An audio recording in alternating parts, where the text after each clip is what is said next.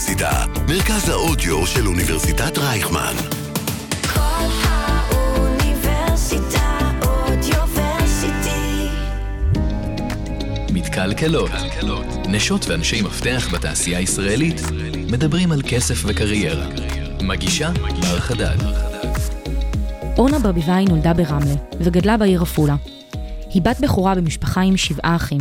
היא בת לשני עולים מרומניה ועיראק. אורנה התגייסה לצבא בשנת 1981, ואת מרבית שירותה עשתה בחיל השלישות. היא הייתה מפקדת לשכת הגיוס בבאר שבע, ראש מחלקת סגל בזרוע היבשה, שלישת פיקוד המרכז, ולאחר מכן מונתה לקצינת השלישות הראשית. היא הייתה האישה הראשונה שמונתה למפקדת חיל שאינו חיל נשים. ביוני 2011 מונתה אורנה לראש אגף כוח האדם והועלתה לדרגת אלוף.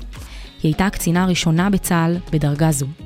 ב-2014 היא השתחררה והתחילה את מסע הקריירה האזרחית שלה. בה, בין היתר, הייתה מנכ"לית של קרן שיתופים, קרן תאגידית פילנטרופית למיזמים לאומיים. לאחר מכן נבחרה לכהן כיושבת ראש הוועד המנהל של המכללה האקדמית עמק יזרעאל. היא הייתה מגישת התוכנית רצועות הביטחון בגלי צה"ל, ואפילו לימדה באוניברסיטת בר אילן, וגם ממש כאן אצלנו באוניברסיטת רייכמן. מאז 2019 היא כיהנה כחברת הכנסת מטעם מפלגת יש עתיד, וכיהנה כשרת הכלכלה והתעשייה בממשלת ישראל ה-36. בימים האחרונים היא סיימה את תפקידה כחברת כנסת ומתמודדת כיום על ראשות עיריית תל אביב. שלום לאורנה ברביבאי, אלופה, שרה ואבירה, תכף תסבירי לנו את כל הטייטלים. אה, ברוכה הבאה למתקלקלות. תודה, תודה רבה. אז מה, אלופה כולנו מכירים. אלופה במילואים, אלופה ראשונה בצבא, אה, שרה, הייתי שרת הכלכלה והתעשייה בממשלה הקודמת, שנה וחצי, והבירה לפני ממש לא מזמן קיבלתי את אה, אות אבירת השלטון מהתנועה לאיכות השלטון. מדהים. טוב, אז אני אוהבת לפתוח את כל הרעיונות אה, עם הסיפור האישי. מי שלא מכיר, כולנו מכירים את אורנה ברביבאי, המותג, השם, השרה, האלופה, כל הדברים היבשים. מה, מה הסיפור? בואי תספרי לי מההתחלה. אני נולדתי ב-62 אה, ברמלה, ועברתי בתום כיתה א' לעפולה. אימא עם אה, ארבעה ילדים, שאחר כך גדלנו להיות אה, משפחה מרובעת ילדים עם שבעה ילדים, אני הבכורה, אנחנו שש בנות. וואו. ובן, כן, הבן, תמיד שואלים, אז אני אומרת מראש, הבן הוא השלישי. ועברנו לעפולה.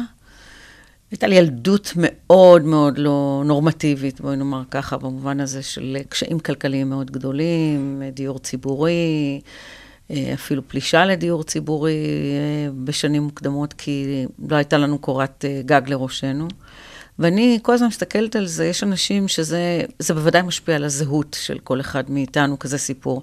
אבל בשבילי זה היה, זאת הייתה ילדות מאוד מעצבת, במובן הזה שעברנו את פרעה, נעבור גם את זה. זאת אומרת, אם גדלתי להיות אה, אה, ילדה עצמאית, נערה בוגרת, שסייעה בכלכלת הבית ועשתה, עשיתי את אה, מה שחשבתי שאני צריכה לעשות, ושהאחריות היא עליי, ושזה בעיקר תלוי בי. שכל הסיכויים היו נגדה. כשכל הסיכויים, שלא היה שום דבר בילדות שלי שיכול היה לנבא את העתיד שלי, וגם את הושטת היד של אנשים טובים בדרך, ואת הרצון אה, להוקיר תודה. אה, על, אה, על הדרך הזאת ולהיות בעצמי, ברבות הימים כזאת שמנסה לראות מי, מי צריך את אותה יד חשובה בנקודה מאוד משמעותית בחייו. זה, זה עיצב את האישיות שלי והלך איתי קדימה, ולכן כשאני מספרת את זה, אני לא מספרת את זה בסוג של קורבנות, אלא באמירה זאת עובדה. הייתה לי ילדות קשה, לאחים שלי היינו בפנימיות כולנו, יצאנו, חזרנו, אבל העיצוב של התקופה הזאת בחיי השפיע על כל מה שאני אעשה בהמשך. איזה ילדה היית? טובה, אה, מופנמת, אה, אחראית מאוד, מבינה שאני צריכה לעזור לאימא. בגיל מאוד מוקדם עבדתי, שטפתי מרצפות כבר בגיל עשר, ואת הכמה שקלים האלה הבאתי לאימא. ורצינית, אחראית, בוגרת, אה, פחות מדי, נגיד, שמחה או ורבלית, יותר עם עצמי. והיה צריך לחדור כמה קליפות כדי שאני אה, אדבר ואשתף אה, פעולה עם מי שעומד מולי. אז כמובן, אה, בתחילת הפודקאסט, ככה שפתחתי ובפתיחה, אני גם מעפולה. יש בינינו הרבה ממשקים, גם אני הבכורה בבית, אמנם לא משבעה? אחרים, אנחנו שניים. בכורה בין שניים. כן, בכורה בין שניים, אבל זה עדיין בכורה, נכון. ויש לי עוד אח. חשוב לי לשים את זה רגע על השולחן. למי שלא מכיר, עפולה, את אומרת אני מעפולה, אבל את מאזור מסוים בעפולה, עפולה עילית, את מעפולה עילית, נכון? רחוב הרצל בעפולה עילית. בדיוק, שרק כדי שהמאזינים ומישהי מאיתנו אה, יבין, שגם בפריפריה יש פריפריה, אה, וזה באמת אה, ככה היה מקום מורכב לגדול בו, ו- וקל לי מאוד להתחבר אה, אה, למה שאת אומרת, שזה באמת כל הסיכויים אה, היו נגדך. אמא שלי עדיין גרה בדירת עמידר בעפולה עילית, חלק מהאחיות שלי ברחוב הזה. זה רחוב עם אנשים נפלאים, שיש שם פוטנציאל גדול, וההזדמנות לא ניתנה באופן מספק כדי שיוכלו לממש את הפוטנציאל שלהם. והזדמנות היא מדינה, הזדמנות היא רשות מקומית, הזדמנות היא חברה, היא קהילה, ואפשר היה לעשות יותר. טוב, אז רגע, אז בואו נתגלגל רגע קדימה. את אומרת, אה, אה, אורנה אה, נולדה ברמלה, עברה לעפולה, ואז מגיע השלב הזה המאוד מכריע של כזה י"א-י"ב, מגיעים לצבא, וגם כאן אני אשים שנייה ספוט. אה, עניין הצבא בפריפריה הוא מאוד מאוד שונה מה- מ- מ- מתחום אה, הצבאי או התפקידים בצבא במרכז, בטח באותם שנים. מדברת איתך לפני 40 שנה. בדיוק, שזה כן. עוד יותר. מהמם. מה קורה ב- ב- בשנים האלה? אז צריך להגיד שאני אה, ומשה בעלי גדלנו באותו בניין. וואו. בעפולה עילית, כן. אה, והוא כמה שנים יותר גדול ממני, והוא היה קצין בצבא. לא הייתה בסביבה כולה דמות שאפשר היה להזדהות איתה במובן הזה של שירות משמעותי וכולי. ורציתי מאוד לעשות את מה שהוא עושה. הוא היה קצין שלישות לפניי, קצין כוח אדם, הייתי מגיעה לתרגילים לראות איך אה, מגייסים אנשי מילואים, ואמרתי, וואו, זה משהו שאני רוצה לעשות. אה, והתגייסתי בגיל אה, 18 לחיל השלישות, ומאז בעצם כל תפקידיי בצבא, ביחידות שונות ומשונות, הרבה פעמים אישה הראשונה אה, בתפקידים האלה, אבל כל השנים האלה הייתה... לי חוויה שההגעה למקצוע הזה של אה, משאבי אנוש, זה להפוך את התחביב שלי, את אהבת האנשים, למקצוע. מקצוע. ניסינו בגיל מוקדם, אני הייתי בת 19 וחצי וואו. כשניסינו, כן, תחשבי על זה. אה, ואז אה, צריך להגיד שלא השתחררתי כי הייתי קצינה בצבא, אז הייתי צריכה לסיים את השירות, ואז באופן טבעי המשכתי גם בקבע לאורך אה, כל הקריירה הצבאית שלי. גרנו בעפולה, נולדו שתי בנותינו הגדולות, טל ומור, הם היום 39-38. ובגיל 24 בערך, אני מסתכלת על התפקידים שיש לי בעפולה, יש לי כבר שתי בנות, הייתי אימא כבר בת 22. וואו. תחשבי, ילדה בת שנתיים, ילדה בת אה, שנה, ובעלי ביחידת שדה, ואני אה, מגיעה לחיל השלישות, ואני אומרת לראש מדור שם, שמראיין אותי, אני אומרת לו, תשמע, אני רוצה לעשות תפקידים משמעותיים. אז הוא אומר לי, תגידי, את uh, מוכנה להיות כמו גבר? אמרתי לו, מה זאת אומרת? מה זאת השאלה כמו גבר? צעירה. אז הוא אומר לי, גברים מוכנים לעבור דירה בשביל... אה, תפקיד. תפקיד. האם את תהיי מוכנה? ועניתי מיד כן. אמרתי כן ולא הבנתי מה אני אומרת. ברור. את יודעת מה המשמעות של לעבור עם בת 24, עם שתי קטנטנות כאלה, ובעל רחוק מהבית. ובדיעבד, כשאני מנתחת את הנקודות, אה, נגיד, הפריצה שלי בקריירה, בחיים בכלל, זאת הייתה נקודה סופר משמעותית, כי התפקידים בקבע, בצפון, הם יחסית מוגבלים, ולא יכולתי להגיע יותר מדי. אה, והתחלתי מסלול שירות מאוד מאתגר במרכז הארץ, בכל מיני מקומות, בשגרה, בחירום, במלחמות, ואם תרצי, נדבר על זה גם. תכף, בהמשך הרעיון, אנחנו נגיע אה, לעוד כל מיני דברים שעשית, גם באזרחות אה, וגם אחרי הצבא, אבל מרגיש לי שמעולם לא ישבה אה, כאן אה, ב, בראיונות אישה, שכל המנכ"ליות שישבו כאן, וכל הנשים המדהימות שעשו דברים מדהימים בחיים שלהם, לא, מעולם לא ישבה מולי אישה, שאני אנחנו, אני יכולה לדבר איתך כמעט על כל תחום, את מאוד רבגונית, זאת אומרת, עשית כל כך הרבה דברים שהם מאוד מאוד שונים אחד מהשני. בין אם זה בצבא, ובין אם פילנטרופיה, ובין אם בכנסת, ובין אם... זאת אומרת, זה נורא נורא ביטחון, רחב. כלכלה, חברה, נכון. אז השאלה שלי, עכשיו אם נחזור רגע לצבא, האם גם בצבא התפקידים שלך, כי התחלת משהו מאוד נישתי, היית אה, אה, קצינת שלישות, זה, זה הגיע מאוד מהר בוורסטיליות מטורפת לתפקידים בכלל אחרים שלא קשורים בכלל להתחלה.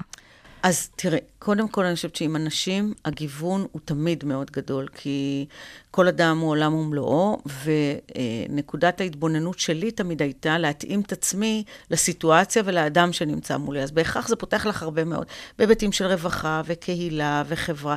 והמשימה, המשימה העיקרית היא, היא ביטחון המדינה, והתפקיד שלי כאשת משאבי אנוש, בטח כראש אגף כוח אדם בהמשך, לאורך כל הדרך היה לוודא שיש אה, את האנשים המתאימים במקום הנכון, בזמן הנכון, עם הכישורים הרלוונטיים, בחובה קבע ומילואים. וזה כשלעצמו, אם את שופכת את זה למשפך הזה של מנעד, או, או התחומים שאת מתעסקת איתם, הם רבים ומגוונים. אבל אני חושבת שזה לא מקרי. אני אה, אה, נוטה לקפוץ לבריכות אה, עמוקות. גם אם אני לא כל כך uh, מכירה, יש לי סקרנות uh, מתמדת לעוד ועוד, ואני מרגישה שעמידה uh, uh, במקום היא סוג של uh, הצ... הליכה אחורה. כי אני חושבת שתמיד, תמיד אדם צריך לאתגר את עצמו, ובמקום שאני לא מזיעה ולא מת... לא מרגישה uh, תחושת טיפוס ואתגר ומאמץ, אני... אני uh, זה... זה... זה משעמם אותך. אני רוצה כבר לעשות את הדבר, ו- וזה אפיין את הקדנציה שלי בשירות. עשיתי המון תפקידים, מיחידה ליחידה, מתפקיד לתפקיד, כי כל פעם רציתי לראות את הדבר הבא, ורציתי להבין מה ההבדל בין מיון לתכנון, לשיבוץ, להשמה, ליחידה מבצעית, ליחידה עורפית, למפקדת אה, לשכת גיוס, מההתחלה לחיבור וכולי. ויצא ככה, שכשרצתי על כל הטווח הזה, אז אספתי לי כישורים והיכרות. היכרות אה, מעמיקה עם עולמות תוכן מגוונים ושונים, שגם כשפרשתי אמרתי, רגע, אז מה עוצר אותי מלעשות עכשיו דברים שאני אוהבת? אה, אספר שכשפרשתי, אז אה, בעלי, בעלי הוא עורך דין, שמאי מקרקעין, לאורך השנים, הלך והשכיל, אנחנו הפסקנו לספור לו את התארים. והוא אמר לי, מה עכשיו? ישבתי לשיחה רצינית של, זאת הייתה שנה מאוד משמעותית, 2014, אני הייתי ראש אכ"א בתפקידי בצוק איתן. מאוד מאוד uh, מורכב. אני, ההחלטות על אורון שאול ועל הדר גולדין, זכרם לברכה, זה החלטות uh, שלי. Uh, קברנו חיילים, זו שנה מאוד נוראית. קשה במובן הזה, uh, אבל אני אתן לך את הנקודת הסתכלות שלי, כי אנשים אמרו לי, תקשיבי, uh, חבל שלא השתחררת כאילו קודם, אז היה נמנע ממך. אמרתי, על מה אתם מדברים? כל מה שעשיתי כל החיים, זה כדי להכין אותי לרגע הזה של לגמרי. קבלת החלטות כל כך משמעותיות, אה, שנוגעות לחיי אדם, צריך להגיד את זה, לא פחות מזה. וזה גם המקום להגיד שהמדינה עוד צריכה לעשות כל מאמץ כדי להשיב, אה, או להשיב אותם לקברי ישראל, גם הם וגם האזרחים. בכל אופן, החוויה שלי היא חוויה של... אה, זה הדבר שהייתי צריכה לעשות, זה הייעוד שאותו אני צריכה לממש. וככה אני מסתכלת על, אה, על עוד תחום ועוד נושא. אז אורנה משתחררת, יושבת מול בעלה, שאומר לה, אוקיי, מה, את הופכת להיות מחר אה, גננת, עורכת דין, מה, מה רופאה? מה עכשיו? אני אומרת לו, מה העניין? אז הוא אומר לי, תשמעי, אני מסתכל על החברים שלך, מה הם עשו, וזה, רובם הלכו למגזר העסקי. אה, זה מדבר אלייך? ואמרתי לו, לא. אז הוא אמר, את יודעת, צריך להמשיך, לדאוג, ככה וככה. אמרתי לו, חביבי, אתה פרשת מהצבא, זה דבר שאמרתי לך, דבר אחד, תהיה מבסוט, תעשה את מה שבא לך ומה שאתה רוצה, את השאר נסתדר. ואנחנו, שקנינו לחמניה אחת בעפולה כנערים ובצענו אותה לשניים, כי לא היה לנו כסף לקנות שתי לחמניות, נסתדר, תודה לאל עם מה שיש. ואת יודעת, נקודת התבוננות של גברים, למשל. אז הוא אמר, בואי נלך לקנות לך אה, רכב. אמרתי לו, סבבה. אז הוא אמר, הרכב האחרון שלך כראש אכ"א, אלוף במטה הכללי, הוא כזה, אמרתי לו, סלח לי, אה, אדון יקר, אני אה, אתמרן עם, ה, עם הרכב הזה, לא חבל. אני, חבל שאני אפגע בעמודים ברחבי העיר. לא יקרה. אני רוצה רכב קטן ובטוח, וזה מה שקרה. אבל דרך ההתבוננות שלי, תמיד, אני משתדלת להיות מדויקת לצורך שלי, לא לצורך של הסביבה, לא לציפיות אפילו. לגמרי. כי אנשים חושבים כל מיני דברים, אחר כך אולי נדבר על התפטרתי מהכנסת האחרונה, ואנשים, איך התפטרת מהכנסת? ואת יכולה להיות ככה וככה. ואני אומרת, אני עושה מה שאני חושבת שמתאים לי, וזה אם יש לי מסר להגיד לצעירות כמוך בכלל, להשתדל להיות מדויקות לעצמכן, כי זה הדבר שבאמת קובע. בואי נדבר שנייה רגע עוד uh, מילה על הצבא. אני מקודם אה, אה, סיפרתי לך אה, על אה, תפקידיי בצבא, וגם ככה דיברתי על זה כאן אה, בפודקאסט. אה, ליוויתי את אה, קורסי המאוגים. מפקדי אוגדות, אומרים. מפקדי אוגדות, כן, אה, וקורסים אה, של אה, אה, צבאות זרים שהגיעו לארץ אה, למיניהם. בואו נדבר רגע על עניין אה, נשים בצבא, ובואו נדבר גם על עניין התפקידים הבכירים של נשים בצבא. כי נשים בצבא, מה לעשות, אנחנו צבא העם, נשים מתגייסות, בין אם הן רוצות ולא רוצות. אני, כל. אני הייתי בחדרים, שזה היה ממש אפיל בחדר. ואתה אומר... שמה?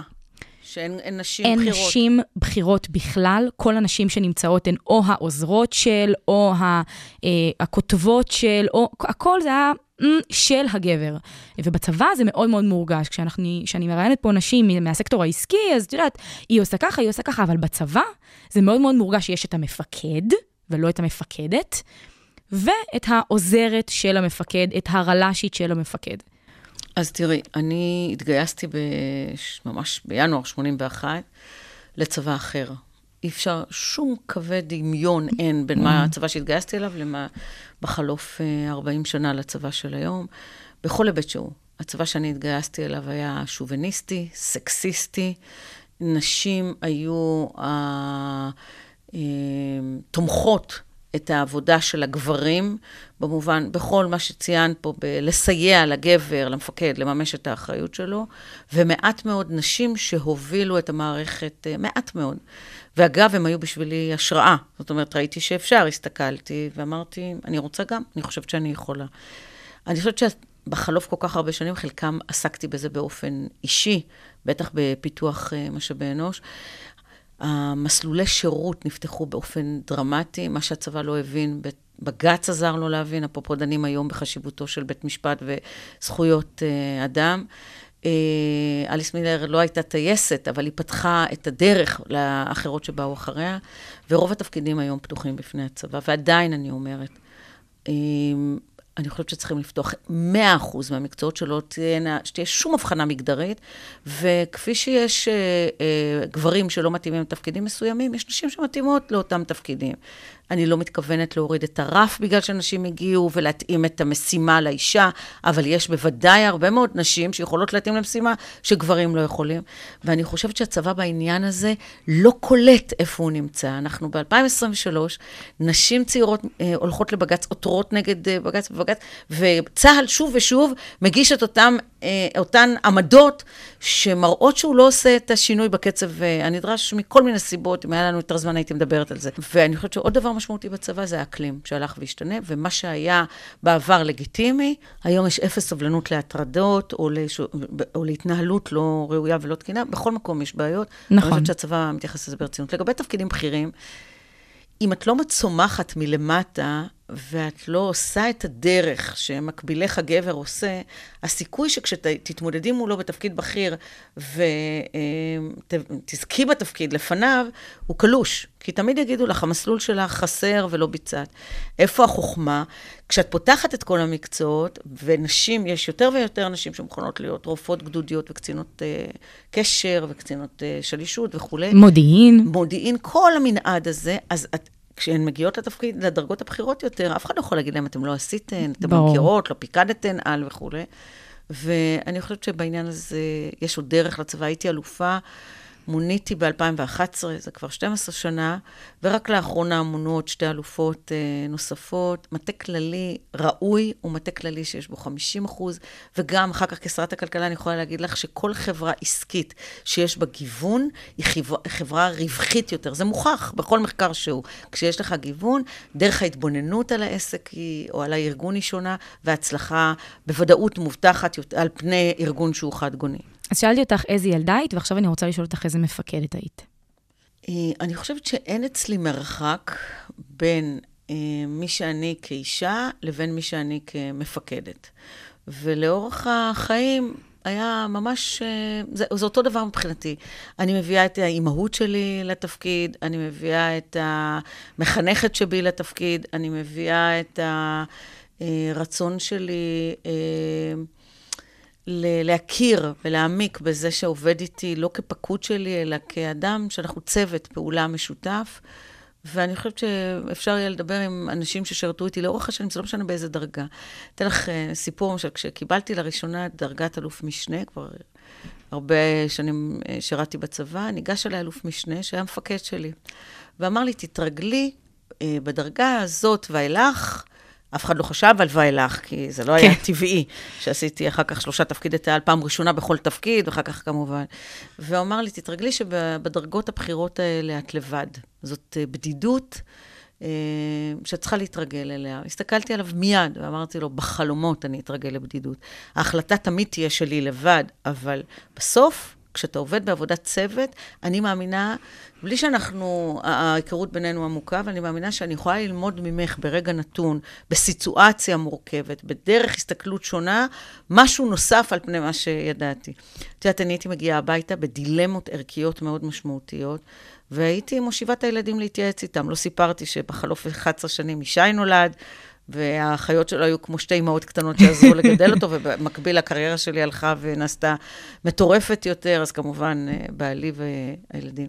וישי, כשהיה קטן, אני זוכרת בגיל חמש-שש, הייתי אומרת לו, בוא, יש לי דילמה אליך, בוא, תגיד, אם, נגיד, כמובן, בלי שמות ברור. וזה, אם ככה וככה, מה אתה אומר? זה, זה, זה, זה מעשה שאפשר לסלוח עליו, הוא יכול להמשיך בשירות, או שאתה חושב ש...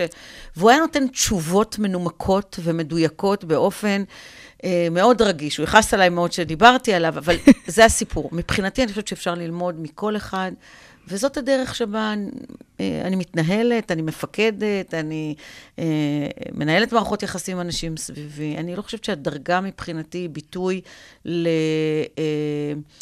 לדרך שבה אני צריכה להתנהל. היא ביטוי לאחריות, היא ביטוי לסמכות, אבל היא ממש ממש לא ביטוי לעליונות על פני אף אחד אחר. אני יכולה להגיד שכחיילת, בגלל ששירתתי מאוד קרוב לצלחת, בוא נקרא לזה ככה, שירתתי עם, עם הדרגות אה, כן. הכי אה, גבוהות בצבא. יש הרבה מאוד מפקדים אה, שבאמת יש, הם, הם חוטאים בזה וכזה מאוד מייחסים חשיבות לדרגות. ואני יכולה גם להגיד שנפגשתי עם לא מעט בדרך, ש...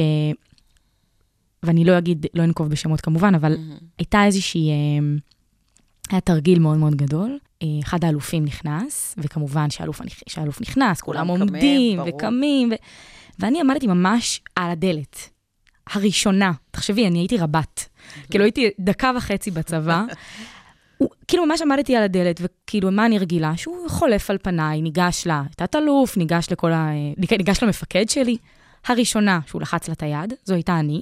הוא שאל אותי, מה שמך? נראה לי הכי טבעי. אמרתי לו, "אה, בר? הוא אמר לי, יא, גם לי יש בר, הבת שלי. ופשוט אה, התחיל לקיים איתי אדם, כן. שיחת חולין, בכלל לא שמתי לב גם. שאנחנו עם מדים. לא, שיחה, את יודעת, דקה, דקותיים, לא משהו, והתקדם תראי לתפקיד. איזה חותם זה השאיר אצלך. וזה השאיר אצלי חותם כל כך גדול אה, ב- באנושיות הזו, אה, שאני חושבת, ו- ואני גם מרשה לעצמי להגיד את זה, לנשים יש הרבה יותר את ה... באופן טבעי כן. באופן טבעי יש להם יותר את החוש השישי הזה הגישה, לעניין הזה. הגישה ממש. האנושית יותר. לא סתם, במשאבי אנוש, אגב, רוב המקצוע הוא נשים. יותר נשים מרגישות שזה דבר שהוא אה, נכון להם ומאפיין אותם. טוב, אז, אז, אז די צבא. אה, למרות שאני לא יכולה להתעלם מזה, ואני כן חייבת להגיד לך באופן אישי, שלשבת מול האלופה הראשונה בצה"ל עבורי, אה, עזבי רגע את כל הקשר אה, ש, שאני מרגישה שאנחנו מאוד דומות, אה, עפולה, פריפריה, התחלה, איך, איך שוברים את הטריקות זכוכית, אבל לשבת מול האלופה הראשונה בצה"ל, אה. בצבא ישראל, שאנחנו טיילתי בכל העולם, וזה אחד הצבאות, תמיד נורא מעניין אנשים, זה מבחינתי באמת מדהים, ואני רוצה להגיד לך שאני מעריכה אותך מאוד על העשייה רבה. שלך, ועבור נשים צעירות כמוני וגם צעירות ממני, זה, זה, זה פרייסלס. אבל אני חייבת לומר לך, את יודעת, אני ב-2014 הסאתי משואה, ככה אומרים, לא הדלקתי משואה, הסאתי משואה על פריצת דרך של נשים בחברה הישראלית.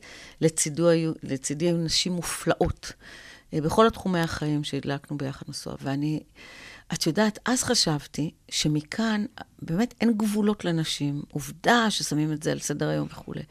ואנחנו היום כמעט עשור אחרי, ואני חשה צער עמוק שפריצת הדרך שלנו בתחומים שונים, היום הולכת ונחסמת. זאת אומרת, לפריצה אין משמעות, יש משמעות ברמה האישית, אבל ברמה המערכתית, הארגונית, הלאומית, פריצת דרך נועדה שאחרות יבואו אה, אחרי מי שפרצה את הדרך.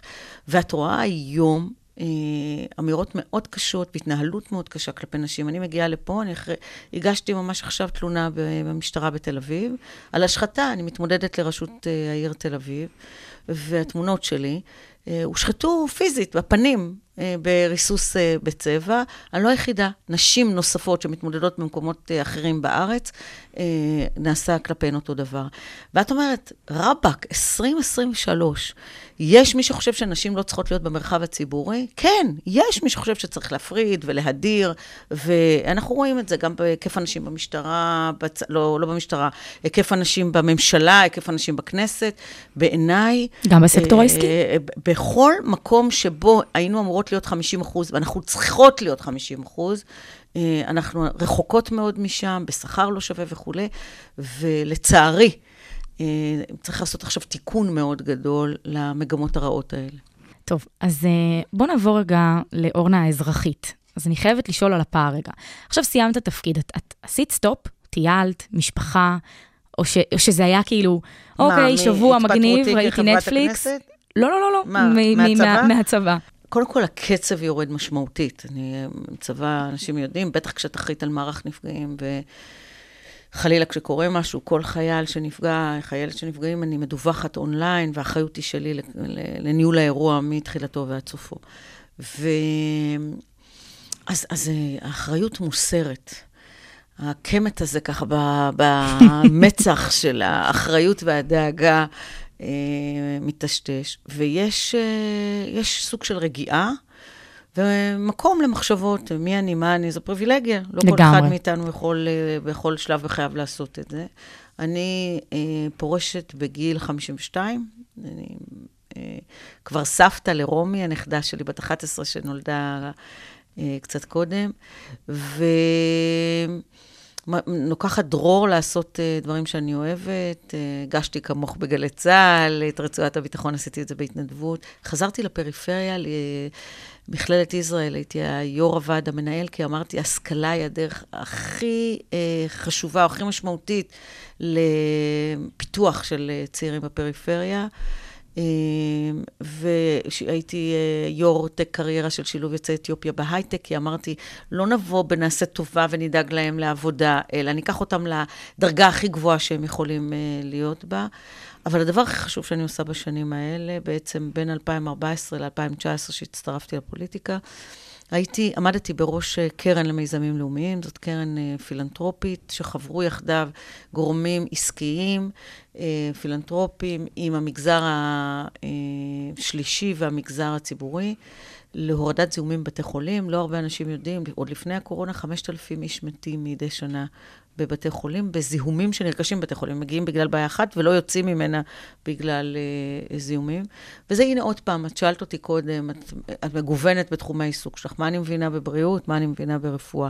אבל האמנתי שאם אנשים זה כל הסיפור, והתופעה היא תופעה שמועברת על ידי אנשים בדרך כזאת או אחרת, מה זאת אומרת אין לה פתרון? ודאי שיש פתרון, זאת לא גזירת גורל, כמו הרבה בעיות אחרות שאנשים מתרגלים לחשוב שזאת גזירת גורל. אני רוצה רגע לשאול אותך שאלה. ויורדים הפרו- 50 אחוז בזיהומים, באותם אז, בתי אז, חולים. אז קודם כל הייתה, הייתה הצלחה בפרויקט, ואני רציתי לשאול אותך על הפרויקט הזה ספציפית. כחלק מההתעסקות בזיהומים, את עסקת, אה, למי שלא מכיר את הפרויקט, עסקתם עם אה, אה, בתי חולים גם במרכז הארץ, כמו שיבא ותל השומר, ביותר, ונהריה, כי רציתי, פריפריה כי הלב שלי. וגם נהריה. אז את אומרת, אני מגיעה, אני בכלל לא מכירה, אה, מה זה לא מכירה? לא מכירה לעומק את תחום הבריאות, מגיעה ונוגעת בזה פעם ראשונה. כמה הפערים גדולים? בין בתי החולים, כן. דרמה, דרמה.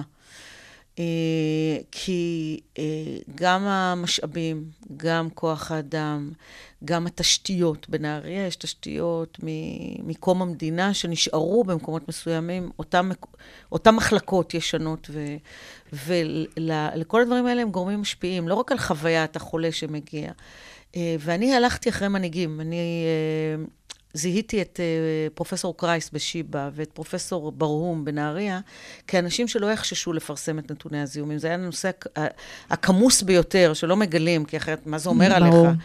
והם היו מוכנים לתלות בכניסה למחלקות את uh, מדי איקס ימים לא היה זיהום, זה החיידק זה וזה אצלנו בבית החולים, אצלנו במחלקה. צעד אמיץ. צעד אמיץ, והלכתי לחפש את האנשים האמיצים האלה, והדבר הכי מרגש היה בשבילי, כשהקורונה אה, תפסה אותנו, ככה, את האנושות כולה, היה איזה לילה, ערב מדכדך כזה, כולנו בסגר, וכלום, שום דבר, ואתה לא יודע גם לאן זה ייקח אותך, המגפה העולמית הזאת. ואתה מרגיש שזה סוף העולם. סוף העולם, בתרחיש הקיצוני של סוף העולם.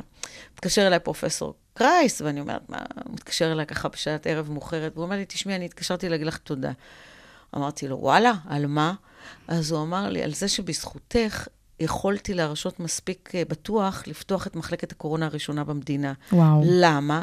כי יש מתודולוגיה של התמודדות עם אה, זיהומים. זיהומים, והרגשתי שעשינו משהו ביחד בבית חולים שיכול היה להוביל את זה.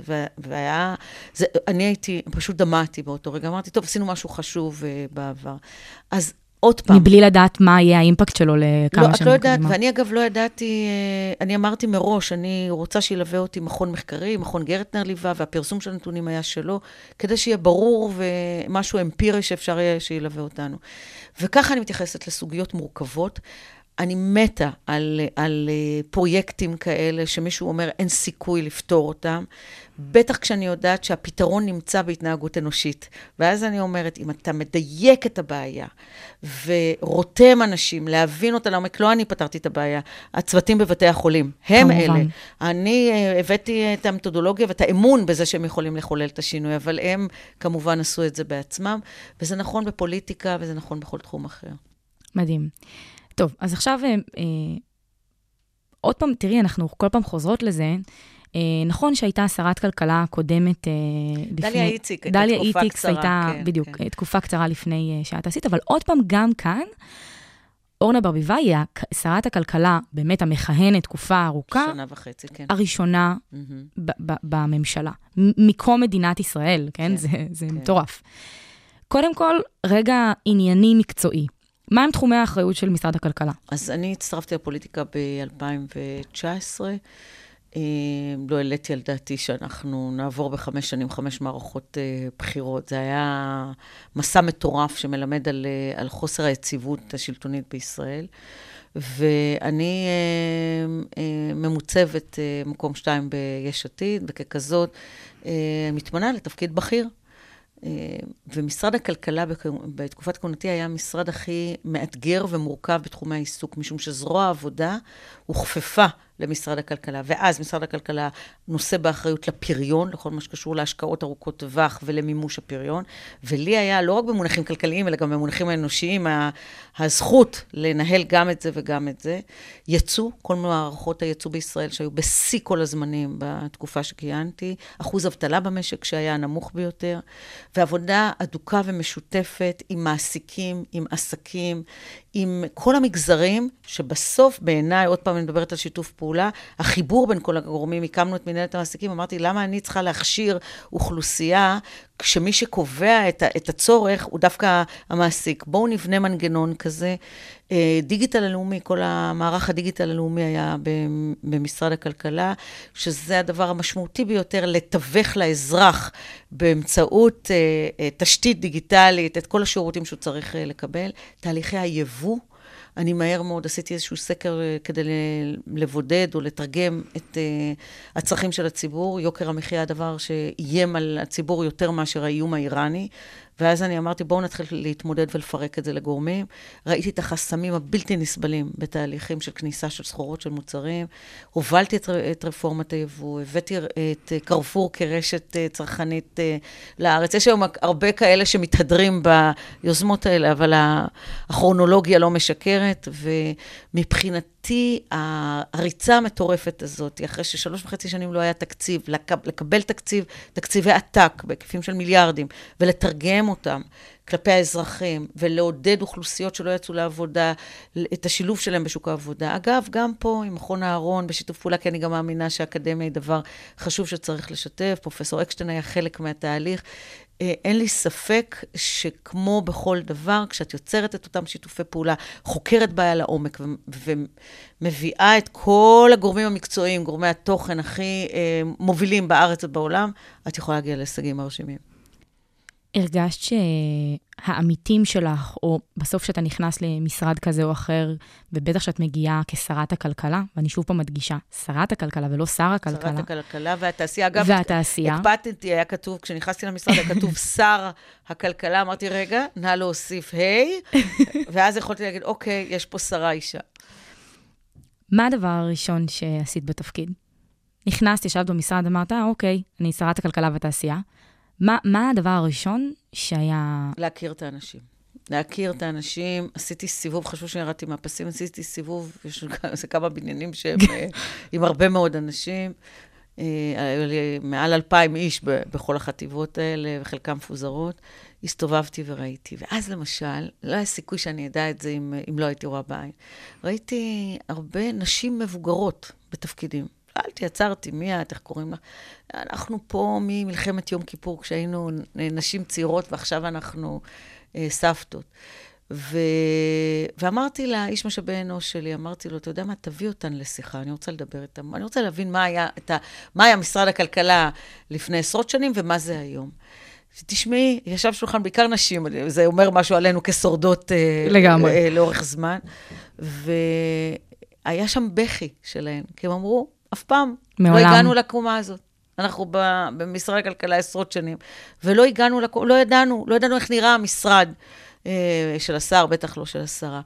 ובדברים האלה, בעיניי, אתה אה, מצליח לייצר את הרשת הזאת, עם רשת שהיא יותר צפופה לעמידה במשימה.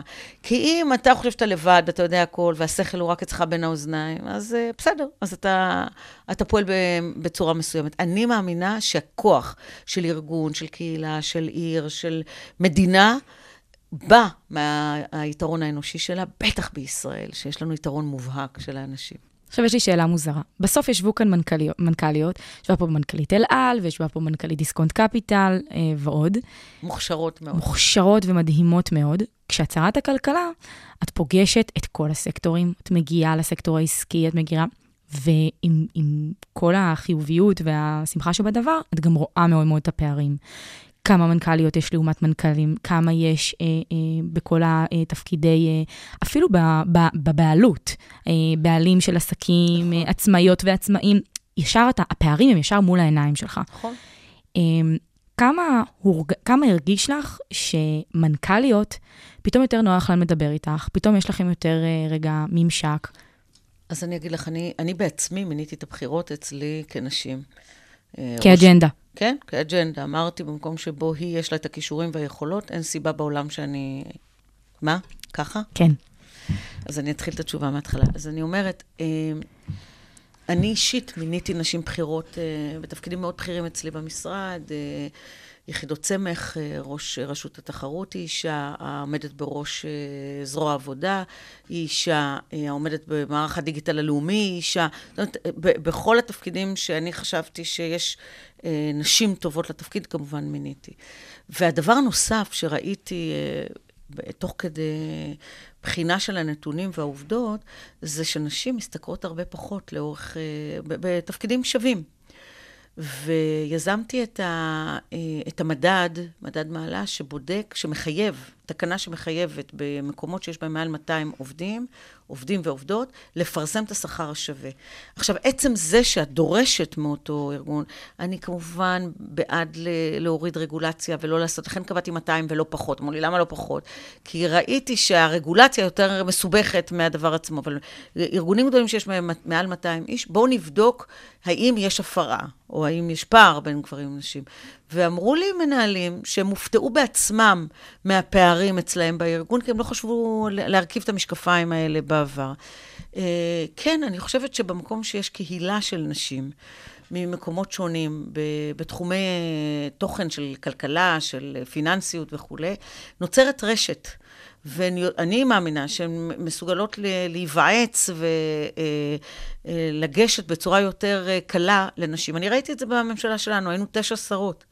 כמות היוזמות שהיו לנו ביחד כשרות, אה, דווקא במשרדים שישבו בהם נשים, הייתה יותר טבעית לנו.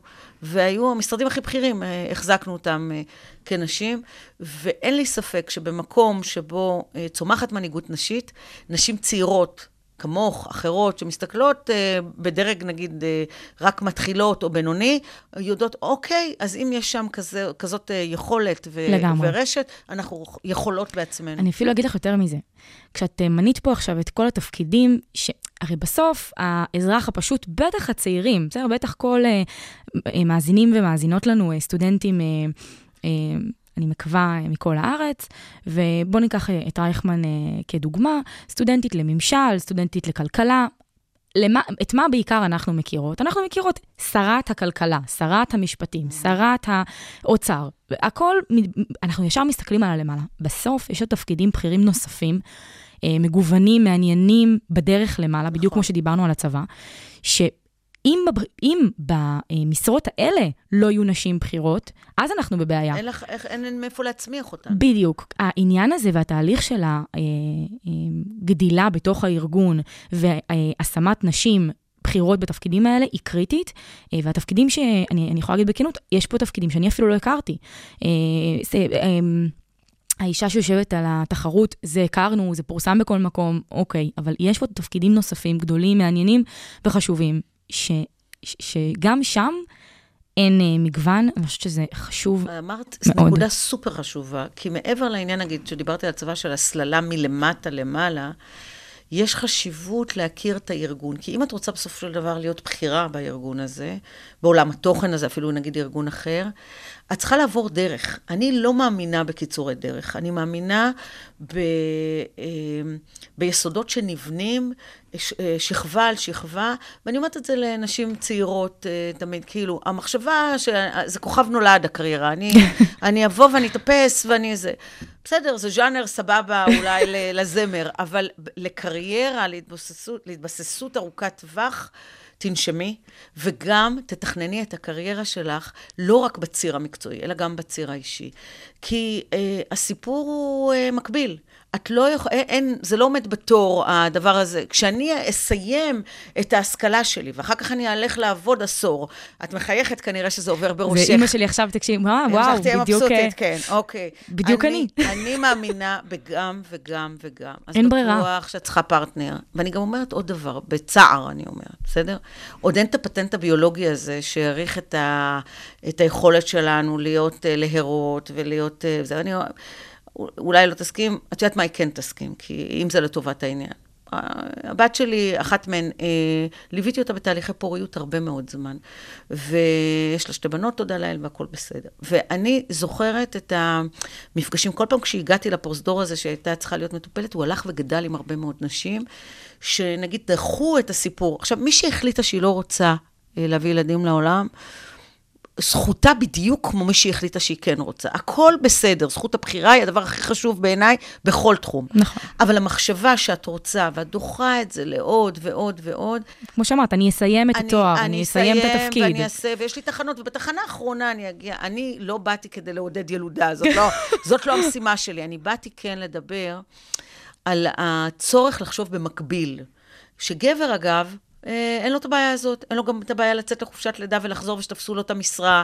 אין לו בעיה. אגב, חלק מהעניין הזה שקידמתי יחד עם שרות אחרות את העניין של חופשת אה, לידה לגברים, אה, כי חשבתי שזה משמעותי בשוק העבודה, כדי לאפשר לאישה לחזור אה, ולהאריך את אה, משך החופשה. כמו במדינות נוספות. כן, כן. אה, שזה- למדנו- שהמנגנון עובד להם. למדנו מהטובים ביותר. אז מה אני אומרת? אומרת, חלק מהסיפור הוא גם להיות מסוגלת לתכנן. תראי, אז אה, יש את המשפט שכשאנחנו מתכננים ואלוהים צוחק על ה... ברור. עלינו. אז אני לא מדברת על, אה, את יודעת, אה, אמונה שהכל יסתדר מעצמו, לא, אבל אני כן מדברת על זה. מתי את רוצה לסיים תואר? מתי את רוצה לשלב זוגיות? מתי את רוצה לשלב אימהות? אה, מתי את רוצה לפרוץ קדימה? מי הבן זוג שאת חולקת איתו את הקריירה שלך? כי כשאת מתקדמת, אה, הוא אולי, אולי עומד במקום. ומהבחינה הזאת, השותפות הזאת של זוגיות צריכה להיות גם מתואמת ומסונכרנת, צריכה להיות פרויקט. את לא יכולה לחשוב שאת יכולה לרוץ בציר אחד וזה שלצידך הוא רק המאפשר. לגמרי. הוא בעצמו צריך, ואני מאמינה בשוויון גם בזוגיות. מהבחינה הזאת, אם לא בונים את זה נכון, אז בסוף את יודעת, יש צד אחד שמרגיש נפסד, צד אחד שהוא הלך רחוק מדי ביחס פה, לאחר. ישבה פה הילה רום ואמרה, הילה רום, המנהלת של רוני ונצ'ר, אמרה, זה לא 50-50, זה 100-100. אוי, איזה יופי, זה, נהדרת. זה, זה ממש משפט שמלווה נהדרת, אותי. מצוין. כי בסוף אתה, את יכולה לחשוב שאת רוצה ל- לרוץ והכל בסדר, אבל אה, הפרטנריות, הזוגיות, החברות והשותפות, הצוות, פעולה, צוות משימה, לגמרי. לגידול ילדים, מעבר לאהבה שהיא הדבק לכל הדבר הזה, הוא תנאי מאוד בסיסי ל- להתפתחות. אז לקראת סיום הרעיון אני רוצה, אה, תראי איזה יופי, עוד פעם אנחנו חוזרות לעניין הזה. בואו נדבר רגע על, אה, על ההחלטה שלך אה, להתמודד אה, לראשות אה, עיריית תל אביב, זה בדיוק מה שאת עושה בימים אלה. ולא מהפן הפוליטי, ולא מהפן, ה, אם זה, מה, מה כן נעשה או מה לא נעשה. גם כאן, אורנה ברביבאי מחליטה לשים רגל בדלת, אני אגיד את זה אחרת, היחידה שהתמודדה אי פעם וכמעט נבחרה, ובאמת זה כמעט באמת קרה, זאת הייתה גולדה מאיר, ותכף תספרי נכון. לנו גם עליה. ואז את מגיעה ואת אומרת, אני גם כאן, אני חושבת שאני יכולה לעשות את זה, ואני יכולה לעשות את זה ביג טיים, אני יכולה לעשות את זה טוב. אה, מעולם לא כיהנה אישה אה, בראשות אה, עיריית תל אביב, עיר, אני אגיד את זה בחצי צחוק, אבל משמעותית מאוד אה, במדינת ישראל, בכלכלת ישראל וכו'.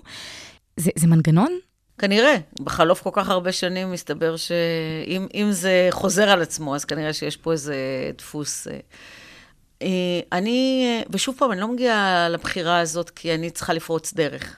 זה ה-by product, זה לגמרי. הדבר המשלים. אבל אני מסתכלת על אה, תל אביב היא העיר השנייה בגודלה, ואני אומרת לעצמי, אה, המגמות אה, שמאפיינות היום את המדינה בהיבטים של דמוקרטיה וליברליות, הרי תל אביב היא מעוז הליברליות, היא מגדלור לערכים האלה, ואני מרגישה שאני צריכה לעשות אה, יותר כדי לחזק אותה, תל אביב היא השנייה בגודלה אחרי ירושלים. אה, ואני אומרת, זה, אני גרה בתל אביב כמובן אה, שנים אה, רבות, גרנו שנים ב, ברעות, גידלנו את הילדים כשני אנשי קבע, ובשנים האחרונות אנחנו בתל אביב, יפו צריך להגיד, ומאוד מאתגר אותי לבוא, לקחת את העיר קדימה לעשור הבא, להיות קשובה לאנשים, כי זה הדבר שאני הכי מאמינה בו, ולראות את האנשים כמי שהעיר שייכת להם. זאת אומרת, זה חלק בעיניי מאוד משמעותי, כי אם אמרתי שאנשים הם כל הסיפור, ואיתם אפשר לקחת קדימה כל משימה וכל אתגר, יש לי רצון רב גם לשמור אותה כעיר הליברלית, וגם לשמור על הכלכלה והיכולות שלה, ולהביא אותה קדימה לעתיד. ושוב פעם, אה, אני אומרת שאת הכנסת את עצמך למקום שבידיעה, אני, אני חושבת שזה היה בידיעה, שמעולם אישה לא כיהנה. למרות נכון. שתל אביב זו העיר הליברלית. אבל וה... זה, לא, זה לא בצ'קליסט שלי. אני לא בודקת אם כיהנה אישה או לא, ואני אומרת, לפי זה אני אלך אחריה. לא, אני אומרת, אוקיי, זה אתגר, זה מעניין אותך. עכשיו, תשמעי, צריך גם איזה... אני התפטרתי. הייתי יחסית במקום בטוח, אני מקום שתיים ביש עתיד, אני מניחה שבמציאות כזאת או אחרת גם יכולתי להתפתח להיות אה, שרה בכירה אה, בעתיד, ואני אומרת לעצמי, שחררי. הסיפור של הכיסא הוא לא הכי חשוב. לגמרי. את חושבת שפה את יכולה להשפיע יותר, ואגב, אני אגיד לך מילה על זה. בצבא אנחנו מלמדים לאורך שנים, לימדנו מפקדים צעירים מאוד. גם ישי, הבן שלי, לפעמים את יודעת, היינו מדברים על זה שהוא היה סמ"פ בגולני, ואחר כך תערכו את זה, כי הוא לא יסכים שאני אזכיר אותו. אבל אה, אה, כשיש לך אחריות מרחיבה כל כך גדולה, איפה אתה ממקם את עצמך? איפה? איפה אתה יודע שכאן אתה צריך להיות ולא בשום מקום? ותמיד אמרנו, את תהיה במקום שאתה חושב שההשפעה שלך היא הכי גדולה. תסתכל על כל המנעד ותגיד, פה הנוכחות שלי, הפיזית, המנטלית, המשאבית, הכל, הזמן שלי, הוא הדבר, כאן הכי חשוב שאני אהיה, כדי גם לזהות אה, חלילה בעיות שעלולות להתפתח, למנוע אותן, ואם נוצרו, להיות מסוגל לטפל בהן.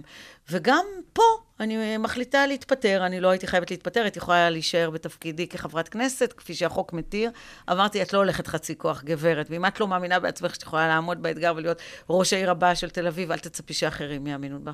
ואני מוצאת את עצמי בחום אוגוסט המהביל הזה ברחובות, ושואלת את עצמי, תגידי, את משוגעת? אבל כן, זה, זה חזק ממני. אז אני חוזרת עוד פעם לסיפור האישי. אה, את לא עוצרת, אף לא לרגע. אה, את יודעת שאת אומרת את זה, זה משעשע.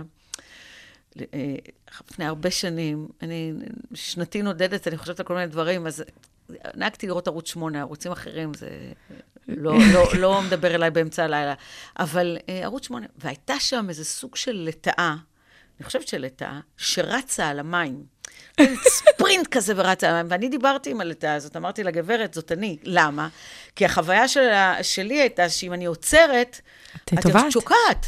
זה, זה, אתה שאלתי אם זה דפוס, זה, זה הדבר. באישיות שלי זה דבר מאוד נוכח וחזק. אני רצה לאורך זמן ולא עוצרת. אבל באיזשהו שלב המנגנון יעשה את שלו, אנחנו דיברנו קודם על ביולוגיה. אבל כל עוד זה תלוי בי, הריצה הזאת היא סם חיים, והיא נותנת לי אה, עניין ואתגר, ויכולת השפעה ומשמעות מאוד מאוד גדולה לחיים. הייתי שמחה לדעת איזה אימא את, ואיפה זה תופס אותך, כי יש את אורנה ברביבאי, המותג, השם, מה שציינו בהתחלה, ויש לך אה, פמליה. לא דווקא, כל פעם זה פמליה מקצועית שמתחלפת, אבל יש כאן אה, אנשים, דיברת מאוד על בעלך, שמלווים אותך מתחילת הדרך, ומושפעים מכל החלטה שאת לוקחת. אה, הייתי רוצה לשמוע על זה. אז קודם כל יש כבר נכדות. אז אני אתן לך דוגמה. אתמול בערב לקחתי את אה, שתיים מהן, הקטנה בת שלוש אה, פחות מתאים, אבל אה, את רומי בת 11 ואת נועם בת שבע, ל- ל- לברבי, לסרט אה, ברבי בסינמה סיטי, לקחתי אותן. זה גם התחרז לגמרי עם הקמפיין שלי של ברביבאי, אמרתי, יאללה, נעשה גם וגם. אה, או שנועם בת השבע, אה, היום אנחנו חוגגים לה יום הולדת, אחרי שבתחילת השבוע תאריך הלידה שלה היה, ושאלתי אותה, נועם, מה את רוצה על יום הולדת? היא אמרה, אופניים. אמרתי, חבר'ה, קמפיין, לא קמפיין, אני קונה לה השבוע אופניים. ולא הגעתי לזה. ואז נסעתי במונית מקצה אחד של העיר לקצה השני, ובדרך, בדרום תל אביב, ראיתי חנות אופניים. אמרתי לנהג מונית, תעצור רגע. בשבע דקות קניתי לה בת שבע אופניים, ורודים, כל הנצנצים והשטויות. כל האירוע. וכל האירוע. אני מאוד נוכחת בחיים של הילדים שלי, בחיים של הנכדות שלי. לא נוכחת באופן נודניקי, אני לא אה, מנג'סת. יש להם מרחב בלתי מוגבל להחלטות, אה, לבחירה בחיים, אה, אבל הם יודעים שכשאני, כשהם צריכים אותי, אני נוכחת שם. וזה גם הרגל שאני חושבת שכזוג, אה, וצריך להגיד את זה לזכותו של בעלי יותר מלזכותי, הוא היה, הוא הקפיד על זה שגם כשאני לא בבית, שעות, ימים, לא מגיעה, אה, כשרצו משהו, נגיד, שהוא היה קצת יותר חשוב, שמורה אמרה משהו, או מה, אה, תתקשרו לאימא להגיד לה. ואני הייתי באטרף שלי, ובחייך עכשיו, נו, תיתן, תפתור את הבעיה, מה אתה... זה, הם צריכים לדעת שאת שם עבורם. וזה זה, זה היה מאוד חזק בזוגיות שלנו, גם כלפי הילדים וגם בהבנה שאנחנו צוות בסיפור הזה. זה לא אחד והשני הזדכה על המשימה, זה שנינו. אה, אני חושבת, צריך לשאול אותם, אבל אני חושבת שלאורך כל החיים, בצמתים הכי משמעותיים שלהם, ואת יודעת, יש כאלה שאומרים, ילדים קטנים, צרות קטנות וזה. אני אומרת, זה בסדר, אני לא מתחלפת עכשיו בהחלפת טיטולים לאף במקום עם הצעירה, אבל אני כן חושבת שאם את אימא משמעותית, הורים משמעותיים, מלווים את הילדים שלהם כל החיים. והצמתים אחר כך הופכים להיות הרבה יותר מורכבים בזוגיות, בנישואין, בגירושין, במה שאת יכולה להעלות על הדעת, אחר כך בנכדים, בחינוך שלהם וכולי. כשאת רוצה להיות מעורבת, כשמבקשים ממך להיות מעורבת, זה, זה אפשרי בהחלט. לסיכום, מה, מה את מאחלת לעצמך? המשך עשייה משמעותית, השפעה על, על החיים שלי, על החיים של uh, אחרים, uh, בצורה הכי בנאלית, להמשיך להרבות טוב. אני מודה לך מאוד. אה, היה לי מרתק, היה לי מעניין. אני יכולה לשבת איתך אה, עוד שעות ולשאול. אותך עוד מיליון שאלות. תודה רבה. דש אה, בעפולה, כן? אני, כמובן, אני אמסור. אז שוב תודה גדולה לאורנה ברביבאי, אלופה במיל, שרת הכלכלה והתעשייה לשעבר, על פרק מדהים. אני רוצה להגיד תודה ענקית לצוות המדהים של אה, מתקלקלות, שבלעדיהם שום דבר כאן לא היה קורה. אז תודה רבה לדניאל גולדברג, לשקד מזרחי, לישי ברביבאי ולגדי מזרחי המדהימים שלי, ואנחנו נתראה בפרק הבא של מתקלקלות. מתקלקלות. נשות ואנשי מפתח בתעשייה הישראלית מדברים על כסף וקריירה. מגישה בר חדד. כל התוכניות והפודקאסטים שלנו זמינים עבורכם באתר האינטרנט ובאפליקציות הפודקאסטים הנבחרות. חפשו כל